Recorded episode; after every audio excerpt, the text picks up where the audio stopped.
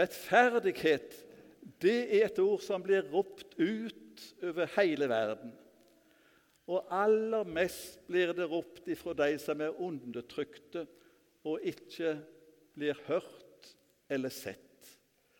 Det er et ord, et rop om oppreisning og om likeverd. Bibelen taler mye om dette på det menneskelige plan.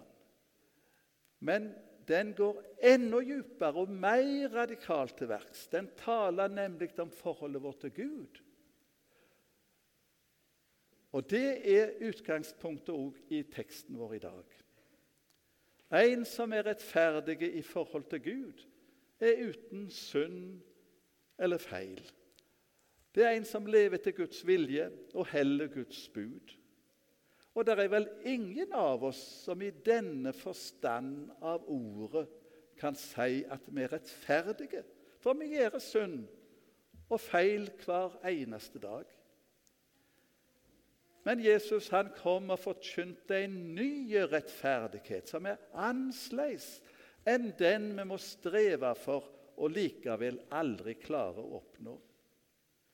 Denne nye rettferdigheten er det som er bakgrunn for teksten vår i dag. Og det er en rettferdighet som ikke er basert på våre prestasjoner og ytelser, men på Guds nåde. Gud gjøre den rettferdig som tror på Jesus og setter sin lit til ham.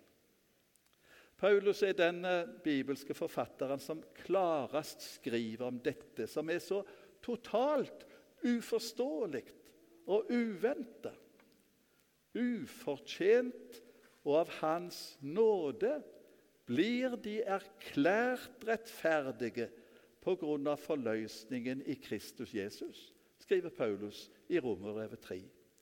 Dette språket som han bruker, det er henta fra rettsvesenet. Det skjer faktisk en domsavsigelse i himmelen hos Gud. Denne person er uten skyld. Jesus har overtatt skylden og straffen. Bakgrunnen for denne frikjennelsen er at vi vender oss om til Gud, slik som Johannes skriver, og som allerede har sagt i gudstjenesten. Dersom vi bekjenner våre synder, er Han trufast og rettferdig, så Han tilgir oss syndene og renser oss for all urett. Det er noe fantastisk som skjer, og som har skapt takksigelse og lovsang over hele jorda og som òg vi skal være med og synge snart.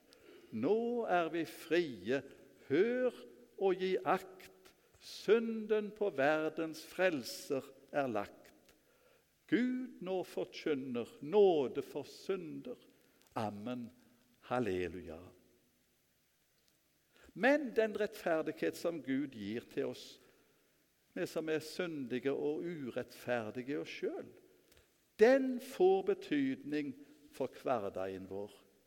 Den tilgivelsen og nåden som vi sjøl har møtt, har konsekvenser i våre liv og våre handlinger. Vi har nemlig fått et nytt forbilde. Det er Jesus. Av og til så kommer det diskusjoner. Og vi kan undre oss over er vi kristne egentlig annerledes enn andre mennesker? Lever vi mer moralsk? Begår vi færre lovbrudd? Behandler vi våre medmennesker med større forståelse og omsorg? Er vi med å reise andre opp til et verdig liv? Eller vi tråkker vi på dem og heller dem nede? Kan det kort sagt merkes på oss at vi har møtt Jesus og hans kjærlighet. Ja, Det er jo helt klart for oss at vi som kristne er ikke rettferdige eller syndfrie i egen kraft. For vi strever like mye med oss sjøl og vår menneskelige natur som alle andre. Men som frelste syndere har vi fått en ny forpliktelse Vi skal leve et liv som er evangeliet verdig. Og Jesus taler om tankene våre og følelsene våre i teksten i dag. Det som er mest privat, og det som er vanskeligst å kontrollere. Ingenting er skjult for Gud. Han kjenner oss bedre enn vi kjenner oss sjøl. Gud veit at vi lukkes ikke alltid i livet som Jesu etterfølgere og tjenere. Men det er nettopp Guds kjærlighet som driver oss til å ikke gi opp denne kampen imot synd og urett og for rettferdighet og truskap.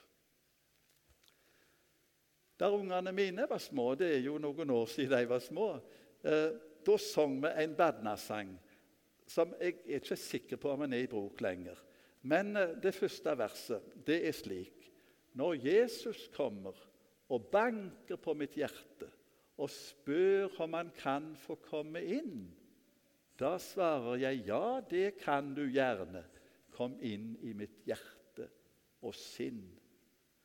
Og så fortsetter sangen om fristeren. Ja, det er kanskje noen av dere gamle som har hørt den sangen. Kan ikke være med å synge det andre verset, som handler om fristeren. Når fristeren kommer og banker på mitt hjerte. Kan du den melodien, Roger? Nei, nei, men du får henge det på. Da starter jeg. Når fristeren kommer og banker på mitt hjerte og spør om han kan få komme inn, da svarer jeg nei, det kan du ikke, for Jesus har alt kommet inn. En gang til. Når fristeren kommer og banker på mitt hjerte og spør om han kan få komme inn, da svarer jeg nei, det kan du ikke, for Jesus har alt kommet inn. Prøven på et liv sammen med Jesus det forteller teksten vår i dag, er viljen til forsoning. Og i dette er Jesus modell for oss. Han forsonte oss med Gud, og vi skal forsone oss med hverandre. Så kan vi selvfølgelig spørre oss hva er det typiske for oss? Og Vi trenger jo ikke gå lenger enn til oss sjøl. Er det typiske for oss hjertevarme og omsorg, vilje til å be om tilgivelse. Jeg må si jeg har møtt mye av det òg her på Vea. Men kan det òg være avstand til andre, misunnelse, en dømmende holdning overfor de som ikke er akkurat sånn som oss? Hibi forklarte det så fint, og sang så fint òg over høyttaleren om hva som skjer når vi, når vi møter noe som kanskje er vanskelig og vondt, og hvor lett vi har da for å forsvare oss og gå til angrep igjen.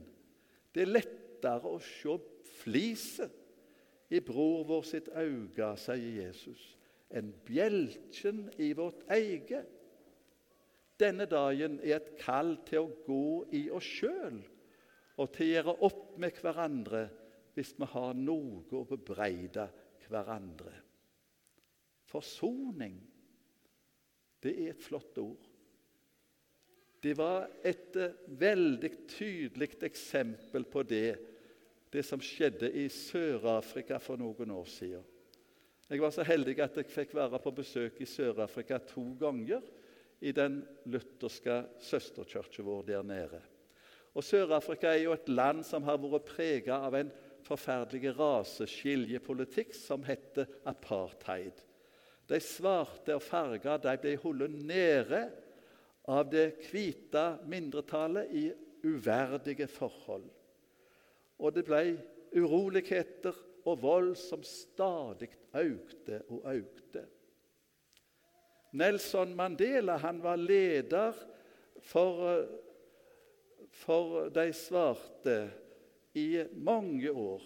Han ble satt i fengsel og satt i fengsel i 27 år. Og når han endelig slapp ut av fengsel etter sterkt internasjonalt press, da skulle han holde en tale på det store stadionet i Johannesburg. Og Det var hundretusener som var samla både i og utenfor stadion. Og stemningen var helt eksplosiv. Alle venta at Nelson Mandela skulle gi startsignalet til opprør imot det hvite styresettet. Men Mandela sitt budskap det var helt annerledes. Hvis vi skal lukkes med å bygge et mer rettferdig samfunn, sa han, da er det nødvendig med forsoning mellom folkegrupper. Da skal vi ikke bruke knyttneven, men vi skal strekke hendene ut imot hverandre. To-tre år senere ble han valgt til den første svarte presidenten i Sør-Afrika. Og Da ble Sannhets- og forsoningskommisjonen oppretta under ledelse av erkebiskop Desmond Tutu. Alle overgriperne de ble stilt for retten. Men ikke for å få dom, men for å kunne gjøre opp og få tilgivelse, slik at de kunne gå videre sammen. Det kommer en dag for oppgjør for oss alle. Vi trenger ikke grue oss for den, for det er ikke vår rettferdighet som gjelder da. Da gjelder bare Guds nåde. Ren og rettferdig, himmelen verdig. Det er Guds gave til oss denne søndagen. La oss be. Ja, Vi takker deg, Jesus, for at du har kommet og åpna ei dør inn til Guds rike for oss. Så må du hjelpe oss, Herre, at vi kan ta imot dine gaver, og at vi kan være med og slåss imot urett og synd og alt det som vil bryte ned både i oss sjøl og i den verden som vi bor. Herre, må du gjøre din gjerning både i oss og med oss gjennom din gode, hellige ånd. Det ber vi om i Jesu navn. Ære være Faderen og Sønnen og Den hellige ånd, som var og er og blir en sann Gud ifra evighet og til evighet.